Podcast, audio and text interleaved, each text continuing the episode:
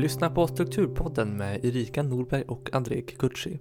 Erika hon jobbar som lärare och driver bloggen vstruktur.se och André han jobbar som pastor och pusslar ihop livet som familjefar. Jag som talar heter Simon Lundberg och är den som redigerar denna podd. Så luta er tillbaka och följ med i våra tankegångar som kretsar kring livet och struktur. I dagens avsnitt pratar jag återhämtningsstrategier med Tove Eloa Öberg som driver Popcornpodden och Akka Meditation. Hon är också socionom och har fram till nyligen arbetat som enhetschef och verksamhetsledare inom offentlig sektor.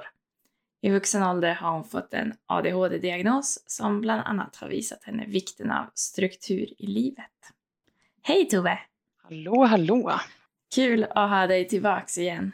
Ja, men tack för att jag får vara tillbaka. Det var väldigt trevligt senast, minns jag. Vi har liksom blivit lite podcastkompisar och hälsa på varandras poddar. Exakt, och det verkar vara ett, ja, men, ett trevliga koncept, ett framgångskoncept, tänker jag. Mm. och jag minns senast vi såg så att vi pratade om ett podcasthus på Gotland. Det blev ja. jag påmind om nu när jag såg dig igen. ja. Det kanske vore något. Det, det, får vi fortsätta jobba på, tycker jag. ja, bra målbild. Ja. Men eh, har du något att tillägga? Vem är du? Vad har hänt sen senast? Och eh, är det något som inte stämmer i introt där? Nej, vet du vad, det var fint att höra introt och rama in det. Och eh, sen vi såg senast har det hänt en del, absolut. Jag tror att det är någonstans nästan ett år sedan som vi hördes i poddformat senast. Mm. Och då var det ju dels inte så länge sedan som jag hade fått min ADHD-diagnos som vuxen som jag hade sökt själv på eget initiativ för att få svar på en del saker. Mm.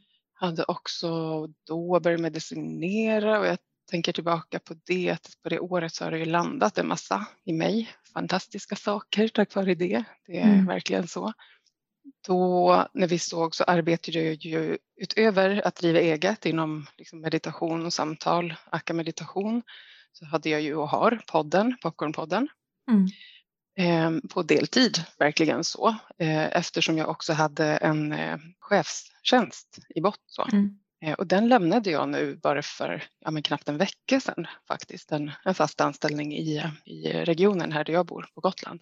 Mm, väldigt nyligt. Ja, det är jättenytt. Det är så här, varje dag är lite eh, ett utforskande. Mm. här, hur ska det se ut idag? Det är jättespännande kan jag säga. Ja. Eh, sjukt roligt är det. Jag har trivts väldigt bra som enhetschef men jag ser så mycket fram emot att få ja, men att vara min egen chef och mm. skapa liksom ramstruktur för hur vill jag leva min vardag. Det är det skiftet jag är på väg in i och nu har då börjat passa in i fulltid här bara sedan ja, men knappt en vecka. Mm. Det kanske finns anledning att komma tillbaka dit, tänker jag mig lite grann, för det för mig hör ihop med en del av det temat som vi ska närma oss idag tror jag. Lite där hur, hur väljer vi våra liv faktiskt också. Ja. Ehm, men jag kan väl också nämna det att jag finns i Visby. För dig som inte har liksom, eh, pejl på mig sedan förut så är jag född och uppvuxen här. Men eh, ja, rötterna norrut i Sverige också. Men Gotland och eh, ja, men, bor här i Visby tillsammans med min son också. Det är skillnad sen vi hördes senast. Han bor på heltid här hos mig okay. eh, sedan ett mm. halvår ungefär. Så ehm, ja, men livet pågår och det är härligt. Och, men det har hänt lite sen vi såg senast, får jag mm. nog säga. Ja. Sen vet jag inte om det kan vara relevant här och nu att säga. Du får känna Erika och, och fråga gärna. Men eh, det som också blir så spännande med det här temat återhämtning tänker jag, för det är ju ganska många av oss som behöver titta lite på det i våra liv. Hur ser det ut med liksom, återhämtning och med välmående, hälsa så, på olika sätt i livet. Så ja, jag vet inte riktigt. Jag kanske blir lite snurrigt att gå rakt på det, men att ibland så kan det ju kännas när livet pågår på olika sätt och jag tänker till den som lyssnar och tycker att det är svårt, för man kanske lyssnar för att man behöver mer återhämtning. Mm. Om man nu har en ganska hög stressnivå och liksom igenom det kanske i alla fall av egen erfarenhet, att man kan få känna att ja, det är mycket stress, man kanske inte hittar lösningen själv på hur ska jag göra istället. Det kan vara svårt att tro på att det skulle kunna gå att skapa någonting annat. Liksom. Mm. Eh, och det vill jag säga att det går det absolut att göra. Det går absolut att skapa rum för återhämtning och genom det hälsa på väldigt, väldigt många sätt. Så jag hoppas att det här avsnittet ska kunna bidra med några tankar i alla fall kring det. Mm. Ja, men jag tror att många kan fastna i att ja, men man är så slut och så samtidigt så behöver man återhämtning och det blir bara en sak till man ska göra av alla saker man ska göra. Och samtidigt så är det ju nödvändigt för att orka med. Så det är en svår, svår nöt att knäcka när man är djupt nere i utmattning redan. Ja, verkligen. Och eh, jag ska säga att jag är inte spets på utmattningssyndrom eller så. Jag kommer inte eh, idag prata utifrån olika diagnoser eller behandlingsstrategier. Det kommer jag inte göra. Det känner jag inte att jag riktigt vill gå till. Men däremot som socionom som arbetar nu ganska många år inom hälsofrämjande verksamhet med att möta människor i eh, ja, men ganska långvarigt svåra livssituationer. Till exempel att leva nära någon som har en psykisk ohälsa med mm. den stress som det ger, både känslomässigt men också praktiskt många gånger. Eh, eller att själv ha en erfarenhet av eh, psykisk ohälsa, psykisk sjukdom. Så, och egen också för den delen. Det finns säkert anledning att komma tillbaka till det. Ganska många egna erfarenheter. På förekommande anledning så har jag ju testat det jag nu pratar om och vet att det funkar. Ja. Eh, så. Och någonting av det du sa associerade jag till det här med att det blir en sak till som vi vill lägga på så att säga som kanske ska hända sen. Ja, men, eh, när det lugnar ner sig lite då ska jag ta mig tid att eh, meditera på lunchen eller ta en promenad eh, vid tio fikat eller ja, att det där sen eller då när det där har hänt så ska jag också göra det. Att vi kanske flyttar fram det och det är ganska naturligt i stress att vi gör så. Att vi liksom inte förmår kanske skapa rum för det nu och här. Men där tror jag i alla fall att en av nycklarna kan vara att sänka lite så prestationen av vad måste vara återhämtning? Vad kan vi definiera återhämtning som? Ja. Kan det få vara någonting så pass litet att du får plats med det nu? Mm. Att typ du som lyssnar just nu kanske kan ta så här ett andetag om det känns schysst i dig och bara känna in i din kropp. Så här, ja, men det, det, jag känner mig spänd i axlarna. Ja men okej, känn på att det är spänt i axlarna, rikta lite fokus dit och så andas du långsamt, långsamt ut. Mm. Gör det typ tre gånger. Det kommer göra skillnad. Kanske inte i stunden, det beror på din upplevelse. Men gör vi det regelbundet och checkar in med oss själva i litet, liksom, lite då och då, så har det effekt. Ja. vi måste inte vänta till semestern med att vila. Ja, men ska man klara sig 48 veckor på ett år utan återhämtning och sen ska man ta igen det på fyra veckor, det är ju omöjligt. Det ja, funkar, ja, men jag håller med. Och det logiska, nej men verkligen. Och med det sagt så kan jag ju säga själv här, eh, på temat ärlighet, för jag gillar också ärlighet. Nu när jag har avslutat min chefstjänst så visar det sig att det var ju jättemycket jobb att avsluta en chefstjänst på ett bra sätt. Då var ju inte det så att jag levde i någon känsla av flow ett tag. Det var mm. jätteutmanande verkligen för mig att eh, i den liksom, ja, settingen som det gav mig och utifrån mina också tidigare mönster så hälsade gamla grejer på att vara så här, men nu ska jag prestera och vara duktig här och så. Och, så det är också en övning i hur vi ser på oss själva tänker jag och för vems skull ska vi ja, men kanske då prestera och ärligt talat ska vi stressa oss in i kaklet liksom, för att sen få vara lediga. Mm. Alltså, ja, det är många frågor i det här. Vi får se, ja. det, vi får nog anledning att dyka djupare i några. Men eh, jag tror att, att jag väljer att börja där och liksom att vi hamnar där först. Det känns fint därför att jag tror och i de år som jag nu har drivit eget inom meditation så är det inte helt ovanligt att jag möter någon form av prestation hos eh, många av de som kommer till mig. Att man kanske tänker att man måste lyckas, vad nu det är, med att meditera till exempel. Mm. Och är det något som jag verkligen, verkligen skulle önska så här, bjuda in till i det här rummet som vi delar idag eller andra rum som jag skapar och så att kan inte prestationen få vila lite här? Kan vi inte mm. bara parkera den en liten stund? Det är ganska vilsamt, tycker jag i alla fall. Ja, det är väl ja, men ofta det vi behöver återhämtning ifrån. Att inte ständigt vara i prestationsläget. Jag tror också det. Jag håller med om det och det kan ju vara så att vi när vi pratar återhämtning eh, och det är ju sant att det finns många så att säga, yttre strategier för det. Ehm, eller så här, ja, gör så här för det är återhämtande. Men, men jag tror ju för egen del i alla fall känns det väldigt sant att det också är viktigt att titta på mina inre eh, processer, tankemönster till exempel. För att om inte jag någonsin har det lite lugnt och härligt i mitt inre så är det ju ingen återhämtning där. Nej. Då kan jag ju kan jag kämpa ganska mycket på det yttre planet.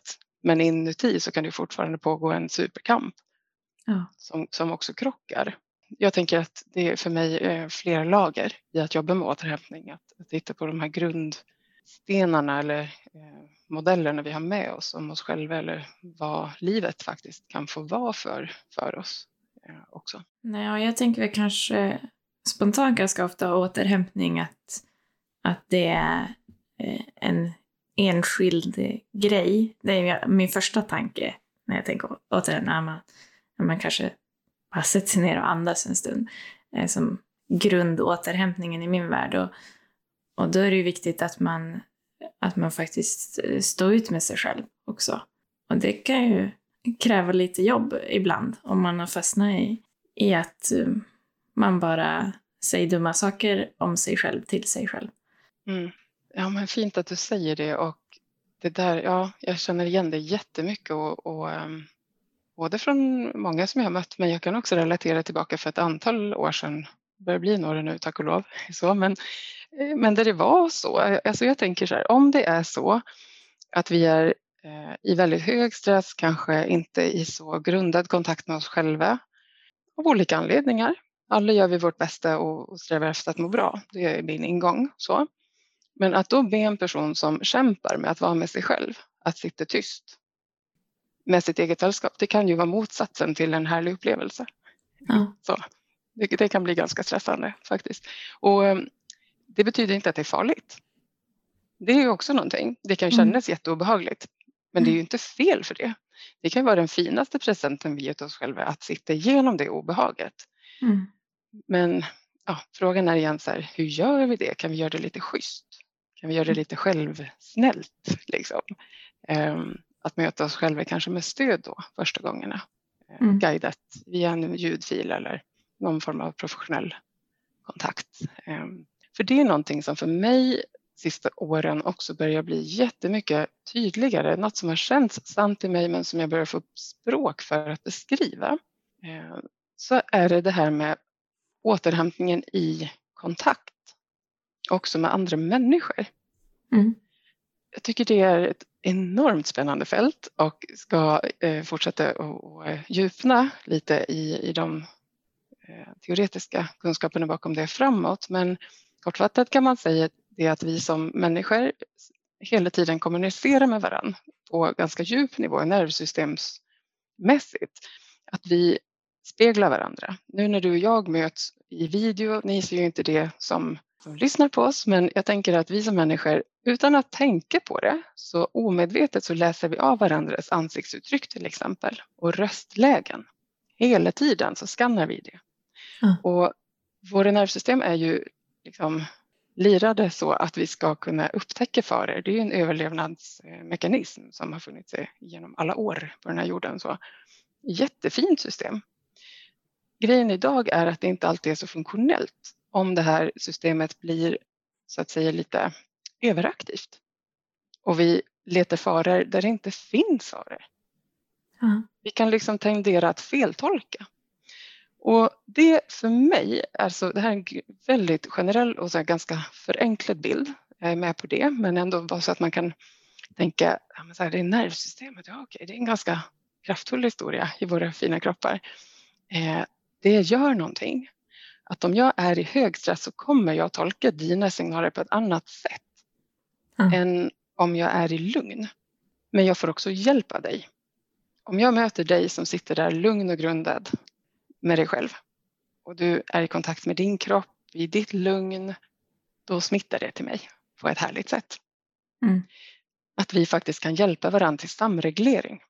Det tycker jag är supercoolt och är liksom en nyckel för mig i mycket av det jag gör i mitt arbete idag också.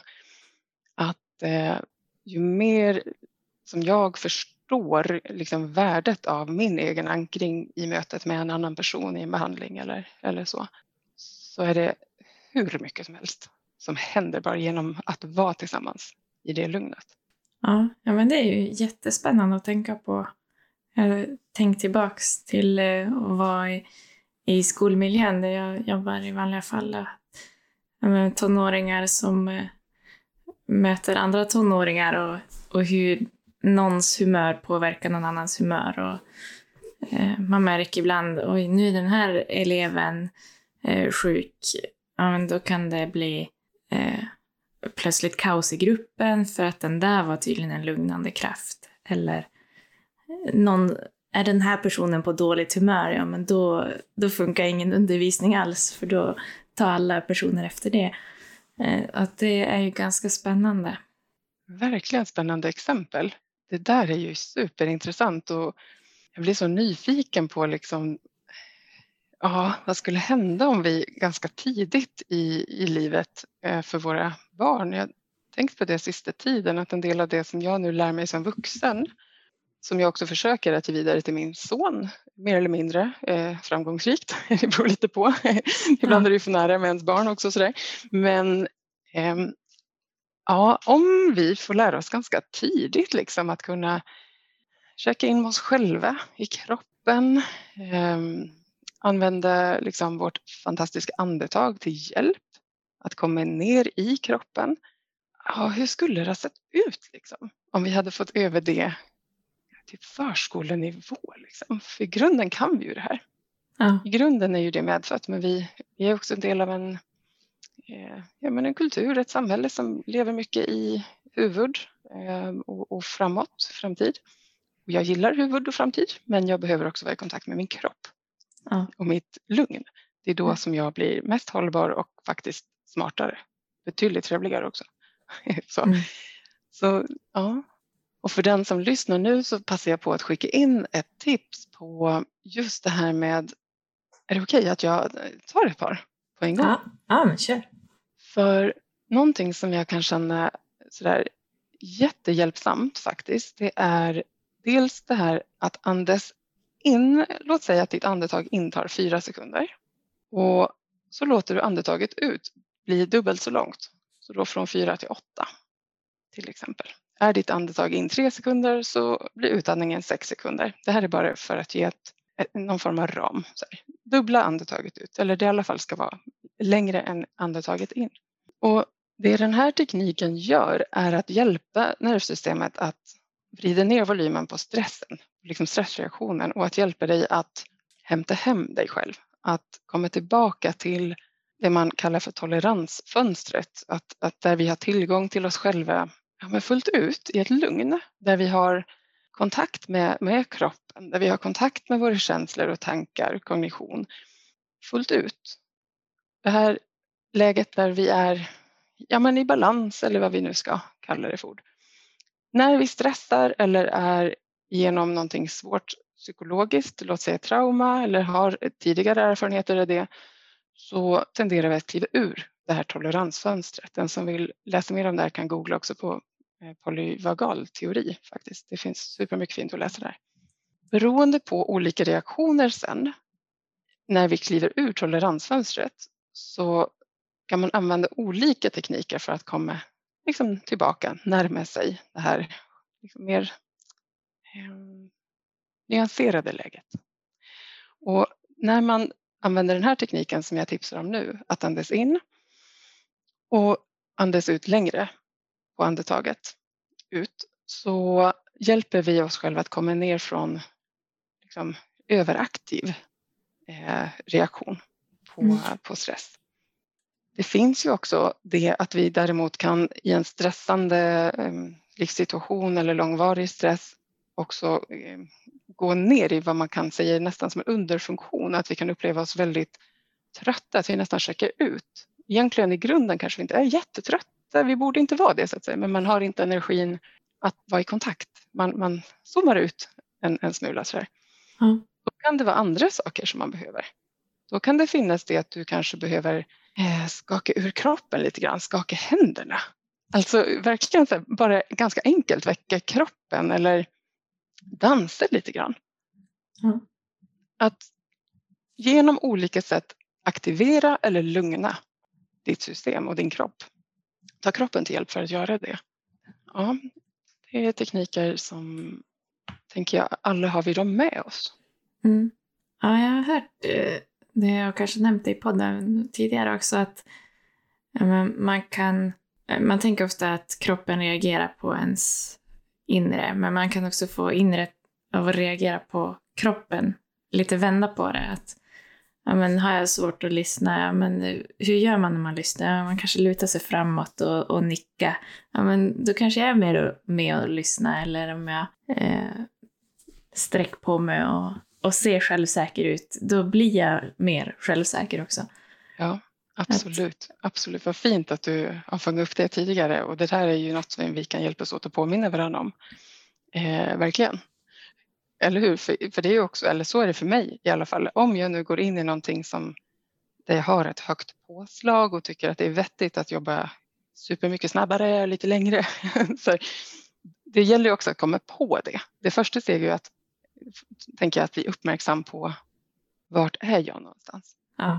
De här teknikerna blir ju möjliga att använda när vi ser att vi behöver dem. Mm. Och förmodligen så blir de också mer intressanta för oss om vi känner att de ger effekt. Ja.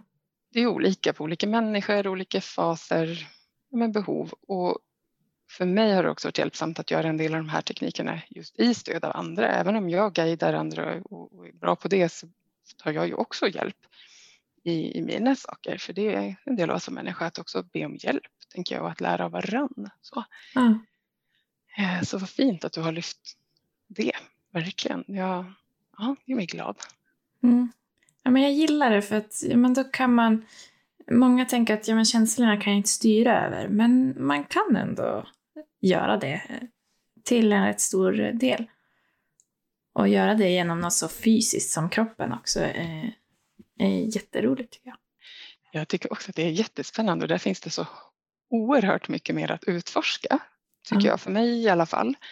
Um, som genom åren har ja, utforskat ganska mycket av liksom, samtal uppenbarligen som socionom. Är jag ja, men van med samtal och leder grupper och det är fantastiskt vad som kan hända i samtal och möten i ord och mellanrummen där.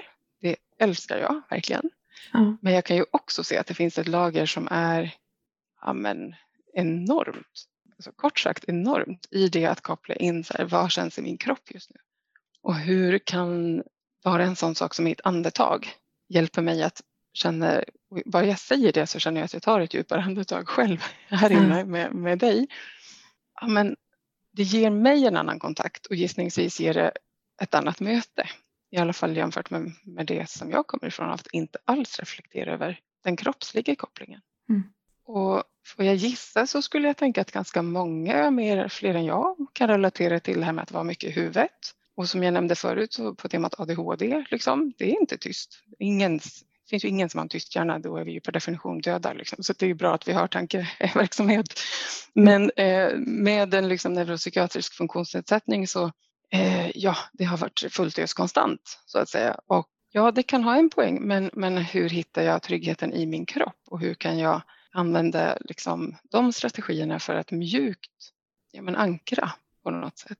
Jag, jag tänker att eh, ja, det är någonting väldigt ursprungligt i det som vi eh, ju har levt mer i kontakt med tidigare kanske på jorden skulle jag gissa än vad vi ibland gör idag. Ja, ja men mycket arbete så just nu är ju är ju mer i, i huvudet än i kroppen.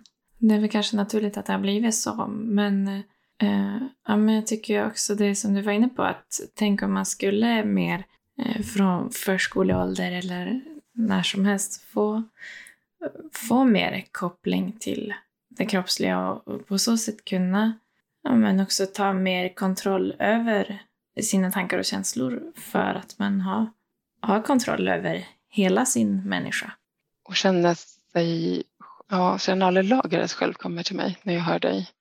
Um, det är någonting i det också som när du säger detta att hur viktigt det faktiskt också är någonstans att fundera lite över ja, men hur mycket kan jag påverka? Ja. Här, ja, vi kan göra många saker själva, det, det är sant. Vi, alltså det vet vi ju, det är fakta att det är så att vi kan påverka ganska mycket av vår sinnesstämning ganska långt. Nu får man tänka i spektrat av att man är frisk eller har en sjukdom. Det vill jag ja, bara skicka med som en passus. Absolut. Känner man att man är sjuk då ska man söka vård och få behandling för det. Men även den som är sjuk kan ha ju jättestor nytta av precis det här vi pratar om. Så jag tänker att det vill jag bara skicka med för ibland så tror jag i vår, jag tycker att jag har mött det i alla fall, att vi gör det friska och sjuka till liksom olika läger jag tror inte på det. Jag tror att vi allihop är på någon form av spektra. Eh, så. Eh, men någonstans det här att det är sunt att känna. Det är friskt att ha alla känslor. Ja. Det betyder som människa, en del av att vara på den här jorden som människa är att ha signat för alla möjliga känslouttryck, inte bara de sköna. Mm. Och det vill vi ju inte alltid vara i för det är sjukt ohärligt. Eller hur? Mm. Ja. Och någonstans det där kan jag ibland liksom utforska i det jag guidar också att ja, men mitt syfte är ju inte att meditera bort obehag. Absolut inte. Det kan till och med vara så att det där obehaget visar någonting jätteviktigt. Typ, du behöver lämna den här relationen. Ja. Eller, vet du, det är dags för dig att eh, byta jobb. Eller, inte vet jag vad. Obehaget kan ju vara jordens gåva. Så, så vi ska inte bara lära oss att stå ut med obehag för att fortsätta att leva i någonting som är potentiellt dåligt heller, utan men mera så här, men om obehaget är så att säga inte helt funktionellt, ja, men jag blir orolig över att gå in på ICA. Mm. Ja, fast vet du, det är förmodligen inte så farligt att gå in på ICA. Kan vi öva lite? Här? Jag vet inte. Det spektrat, så här, att, att kunna stå ut med det som ger oss obehag eh, kan också ge oss väldigt mycket frihet. Mm. Och jag tänker att om man också lär sig att, att jag kan påverka mycket i mig och hur jag hanterar mina känslor, då kanske man också eh, får den motivationen och, och tankesättet också att, att jag kan också påverka i vilka situationer jag tillåter mig själv att vara i. Att om, om jag är i en dålig relation eller jag är på en arbetsplats där jag har försökt och försökt att få det bättre men, men det blir inte bättre och det drar all min kraft så har jag också den kraften och förståelsen att lämna det. är väl min förhoppning i alla fall. Och jag tror att det är väldigt sant. Jag håller med om att det är möjligt. Jag tror att det kan vara bra ändå att ibland ta stöd i de processerna. För vi som människor är ju också väldigt bra på det där som man kallar för normalisering. Mm. Att vänja sig med det som är, även det som inte är egentligen kanske 10 av 10. Liksom. Och det där kan jag själv reflektera tillbaka på att det finns tillfällen i mitt liv där jag har tyckt att ja, men det här är okej, det här är bra. Sen när man kliver ur, när det gör, någonting gör att man ändå så här skiftar miljö eller fokus så tänker man tillbaka, så, vad var det där? Oj, så. Ja. Jag vet inte om du kan relatera, men att mm. um, och, och, det är ju också någonting med, igen, vår fantastiska biologi och kropp, att vi ska kunna klara av massor av olika situationer. Um, men det betyder inte alltid att det vi klarar av är det vi i grunden skulle må bäst av. Och där tänker jag på temat återhämtning, att vi kan också, i min erfarenhet i alla fall, få en lite skev bild av vad som är ett möjligt grundläge. Hur ja. bra får vi må? Liksom? Mm. Och här finns de här kopplingarna tillbaka igen till kroppen och till de sensationer som det liksom går att upptäcka. För mig har det krävts och krävs fortfarande övning att vara där. Att säga, hur känns det här faktiskt med mig? Vad händer i min kropp nu? Inte vad tycker jag om det så rationellt, för det är en helt annan sak ibland. Mm. Så, ja, men att utforska det lite grann och ju mer, för mig är det sant i alla fall, att ju mer som jag både liksom kopplar in det här med tankekänsla men också kroppen, desto lättare blir det att hitta i det lilla också gränssättning som i sin tur leder till ja, vem, som du säger, vilken miljö vill man vara i eller vilken, eh, eh, låt säga relation eller arbetsplats eller vill jag springa idag? Vill jag gå på löpbandet idag? Nej, inte alls faktiskt. Jag vill dansa. Men bra, gör det då. Alltså, det måste inte vara så blodigt allvar-saker hela tiden utan också eh, om det är litet och stort att närma sig mm, sig själv lite bit för bit. Nej, men det är en viktig poäng. Och Eh, som lärare så har jag med i någon grupp på Facebook om, eh, där det är mycket klagomål från lärare och mycket är ju berättigat att det är jättesvårt att, att vara lärare i Sverige idag och må bra. Eh, för att det är så hög arbetsbelastning mot den tid man har att lägga på det. Eh, så det är ju något som, som jag har försökt tänka på väldigt ofta. Att vad behöver jag för att må bra och jobba med det här som jag egentligen tycker är jätteroligt. Men som jag vissa, vissa veckor kan tänka, kan man vara lärare och må bra? Eh, samtidigt som jag kan inte tänka mig något mer stimulerande och roligt jobb för mig. Eh, så det är en, en ständig kamp i mig ibland. Och att ja, men jag måste se att det blir förbättring eh, hela tiden för att jag ska stanna kvar i det här. Och jag jobbar på en arbetsplats där jag tycker att jag får ganska mycket gehör eh, för det som jag säger att, att det här måste vi jobba på för att vi ska orka jobba här. Eh, men, men det är ett problem i samhället i stort för lärare nu. Så ja, det är viktigt att tänka på och inte vänja sig vid vad som helst. Nej, och det där var spännande att du säger och det är mycket av det du säger som jag blir nyfiken på att fråga mer om och få se var vi hamnar. Men några saker som jag tänker på när du berättar, det är ju dels det här att det är vi mycket stress och långvarig så är det lätt verkligen att vi hamnar i det här eh, klagomålen, eh, fokus på det negativa och det kan vara sant. Det vill jag vara tydlig med. Det säger inte att det här inte skulle vara sant. Frågan är hur funktionellt blir det? Mm. Alltså någonstans, ja, det kanske är en väldigt här, grov förenkling men det finns också en hel del som, som tyder på det att väljer vi fokus på glädje och tacksamhet, det kan låta så här klyschigt floskligt när man dessutom säger att man jobbar med meditation men faktum är liksom att om vi fokar på vad ger mening? Vad hittar jag? Du, och du nämner det verkligen så flera gånger. Det här är stimulerande, det här är roligt, det här ger mig liksom, vad jag tolkar som energi. Mm. Det är ju fantastiska drivkrafter. Mm. Det är liksom magi och hälsa som bor där. Så. Eh, och jag vill mena på att den energin, den eh, liksom, energin av eh, vad jag hör i dig som växer i mig i alla fall är liksom skapande kraft. Mm.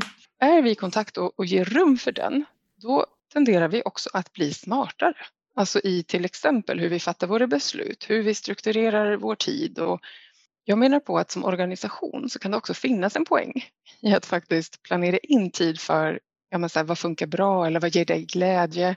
Det här har jag inte helt fullt liksom evidens för ska jag säga, men eh, att det ger hälsoeffekter och organisatoriska effekter i företag och, och, verksamheter att till exempel avsätta tid för meditation. Det vet man att det, det ger effekt både på eh, hälsa hos medarbetare men också kvalitet, effektivitet i organisationer. Ja. Det är jättespännande. Och det är ju liksom ett spår av det här tänker jag. Ehm, därför att när jag hör dig säga att men det här är ett problem för lärare kanske i hela Sverige om jag tolkar det rätt. Mm. Ja, hur vänder man det då? Skulle det kunna finnas någonting i att så här, vad händer om vi så här, eh, försöker skapa lite distansperspektiv till det här som pågår?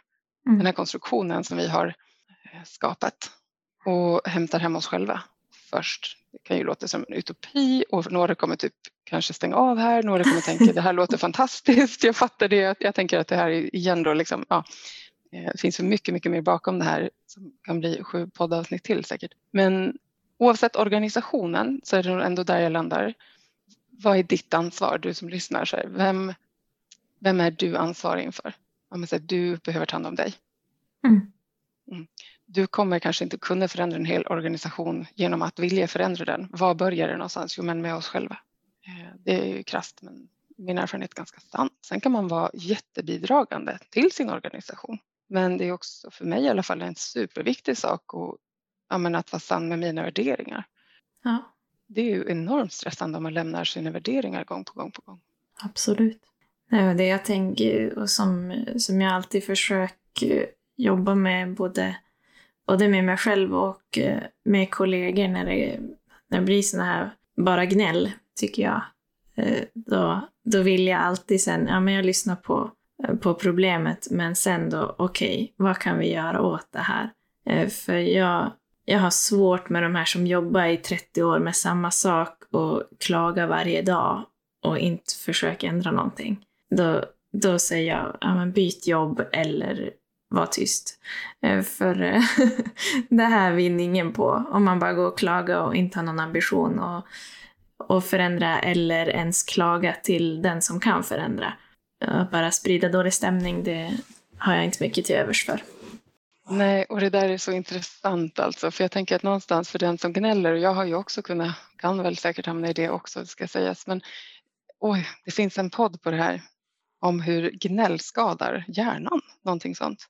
Mm -hmm. Det får vi kolla upp Erika och kanske länka till om någon är intresserad, det är jätteintressant. Men, men någonstans, här, summa summarum, det kan ju ge oss en, en upplevd effekt att gnälla. Vi upplever det som att vi försöker göra någonting konstruktivt. Mm. Och det ger oss någon form av känsla att vi har bidragit kanske till och med. Men mm. frågan är, så här, gav det effekt? Och var det det vår hjärna behövde? För vi förstärker ju också det vi håller på med mest. Ja. Om vi är väldigt vana med att gå i loopen eh, fokus det som är svårt och det kan symbolisera någonting. Det eh, kan ju vara så att ja, men min inre värld är eh, kämpig. Då känns det ganska naturligt att uttrycka det också kanske. Eller jag kanske mm. inte har lärt mig att be om hjälp. Ja, men det finns så många lager i det här. Men att någonstans om vi liksom provar, leker med tanken att vi skulle skifta. Ja, men om vi skulle välja lek. Det här sker dock inte bara så här tankemässigt, kognitivt. För jag tänker så här, lek som människa, glädje, lek, eh, kreativitet, de här skapande kraften och energin som jag tycker du nämner. Det är ju någonting som människor får tillgång till när vi är trygga när vi är i det där som jag förut nämnde som toleransfönstret, alltså där vi är i kontakt.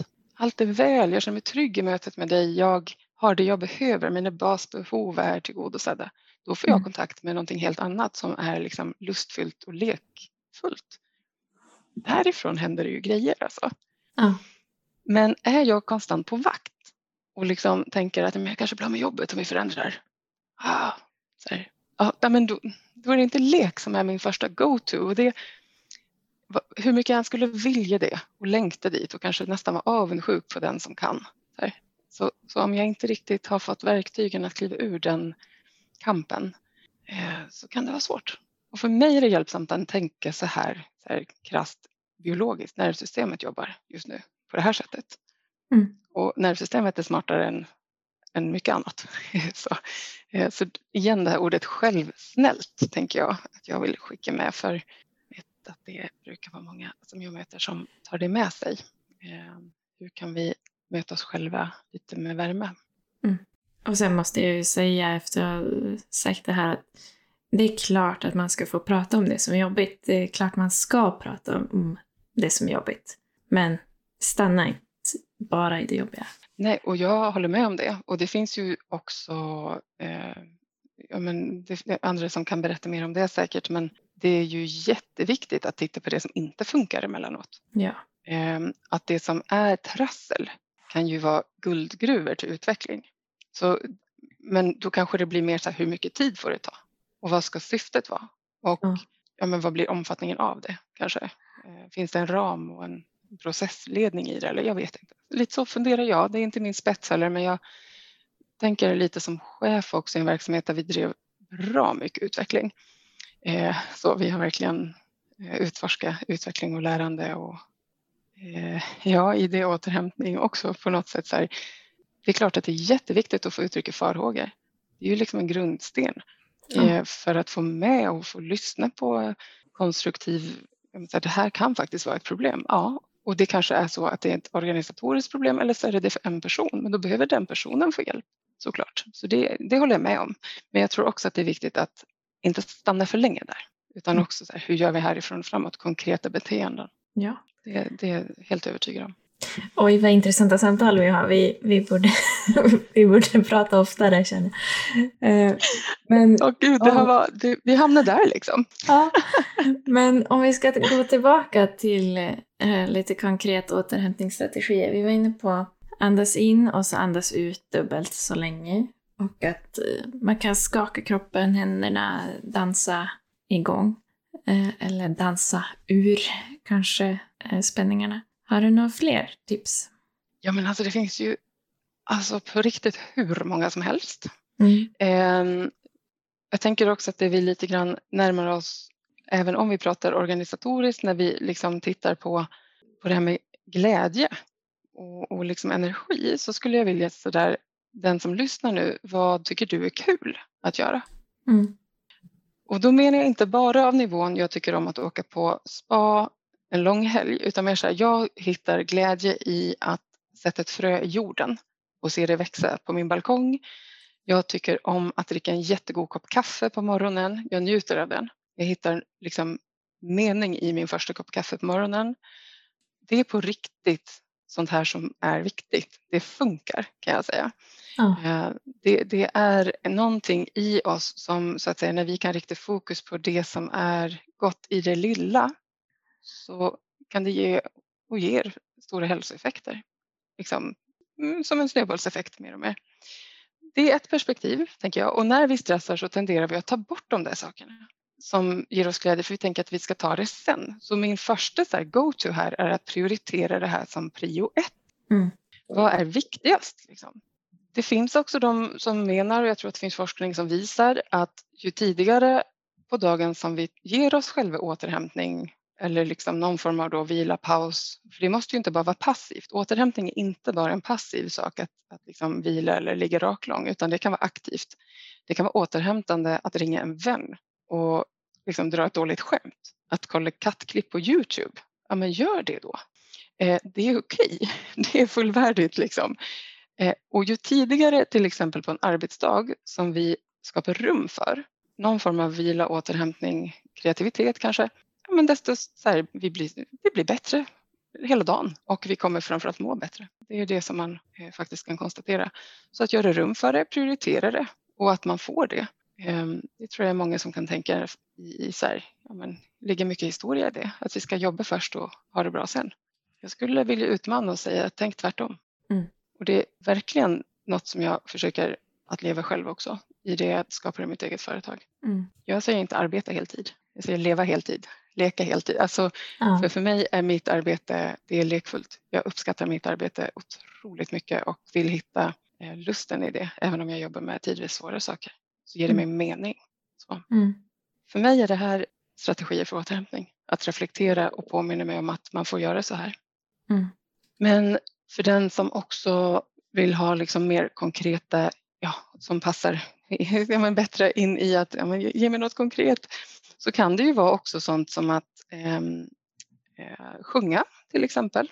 Det skulle kunna vara att, eh, som vi nog pratade om vid förra avsnittet, naturen. Det är ju en hel poddserie igen i sin tur.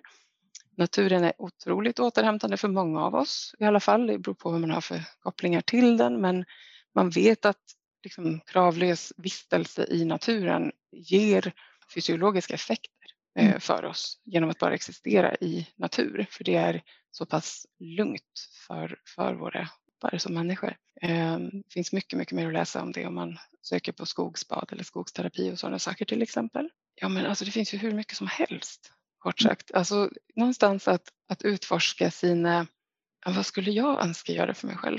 Jag kan också försöka, där kanske ni får klippa, men jag kan också sammanfatta för den som vill ha det lite som ett visuellt stöd, några olika eh, aktiviteter och ja, men konkreta go-tos så, mm. eh, som man kan använda om man vill. För mig handlar det ofta om att tipsa människor om att gå ner i kontakt med kroppen genom också beröring. Eh, det kan vara någonting att rikta fokus på magen, bara i tanken liksom, och känslan, men att lägga händerna på magen och andas. Ja. Eller genom att stryka händerna handflata mot handflata mot varandra också faktiskt aktivera ja, men ett, ett lugn och ro eh, hormon i kroppen och nervändar i händerna som hjälper oss att komma ner i, ja, men i kontakt och ett annat lugn. Så det finns så mycket och det kan jag känna liksom, att det blir nästan den stora utmaningen det här är det finns hur många sätt som helst men väljer vi att göra dem eller väntar vi till sen? Mm. Att hitta sina sätt också. Ja, verkligen. Och någonting också som jag tänker att vi kanske bara ändå behöver sätta ord på kan ju vara så att det finns ju ganska många av oss som också har en erfarenhet av att ha använt ja, men, olika beteenden eller substanser som inte har varit bra för oss, som är väldigt stressande i grunden också för kroppen. Eh, till exempel om vi tar alkohol som är väldigt vanligt att använda, vilket är helt mm. okej, det är lagligt och fritt att göra. Eh, men, men det är också, om man har till exempel oro och ångest, så kan ju alkohol i första läget verka ångestreducerande, men det är inte det den långvariga effekten blir utan tvärtom riskerar förstärka ångest. Det kan vara viktigt att veta det. Ehm, för vet man inte det så kan det bli en lite obehaglig överraskning med tiden. Liksom. Mm. Att det tvärtom kan förstärka. Så jag skulle också vilja bjuda in till att utforska vad är det som stressar dig eller vilka strategier har du idag? Är de hjälpsamma eller inte?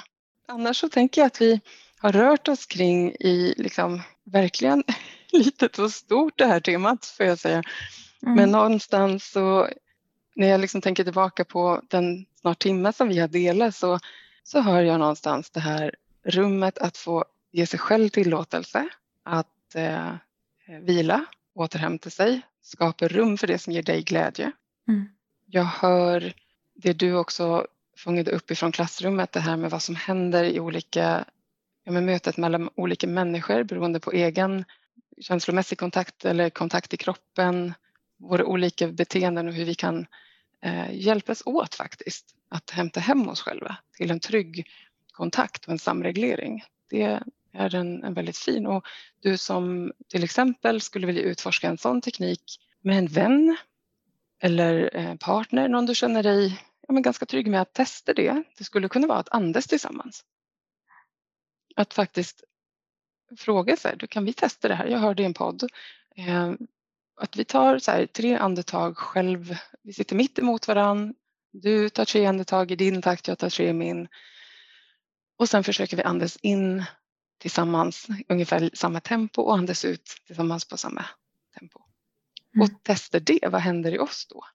Kanske till och med lägger till lite ljud i det här andetaget. Man kan ta det som man känner sig trygg med att göra. Det finns också någonting väldigt spännande att upptäcka där. Mm. Du, eh, vi borde starta en poddserie. Vi har mycket att prata om. Ja, jag känner också det. mm. uh, ja, förra gången du var med, då frågade vi om du hade någon bra, bättre, bäst. Men då, då var det så bra så du kunde inte utveckla något.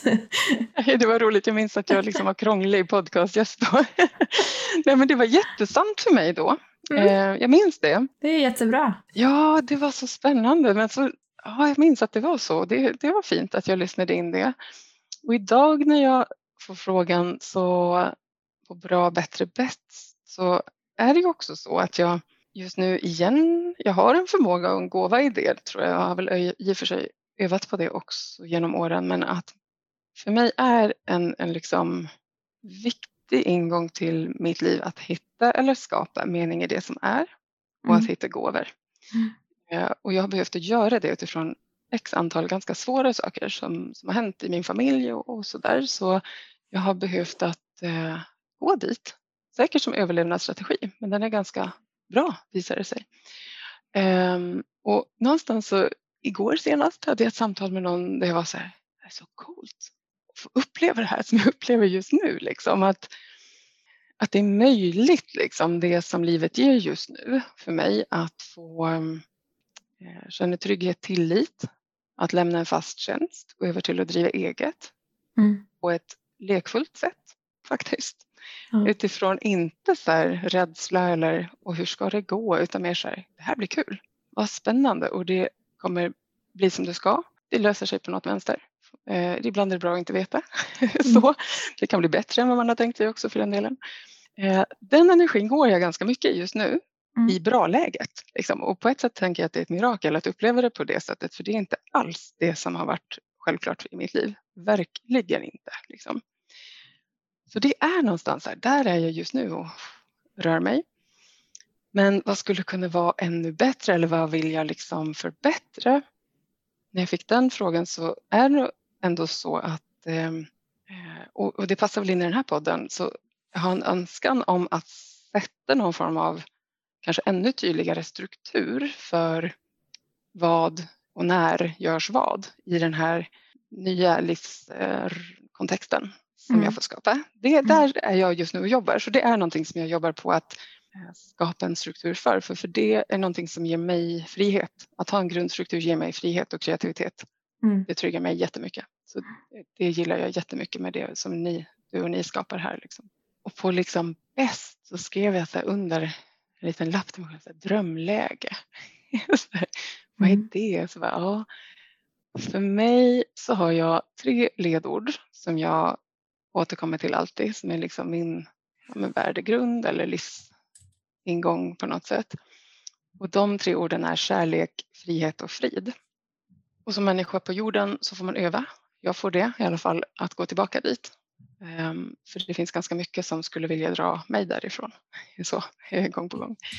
Uh, och drömläget är liksom att vara, ja men, på ett sätt är jag redan där.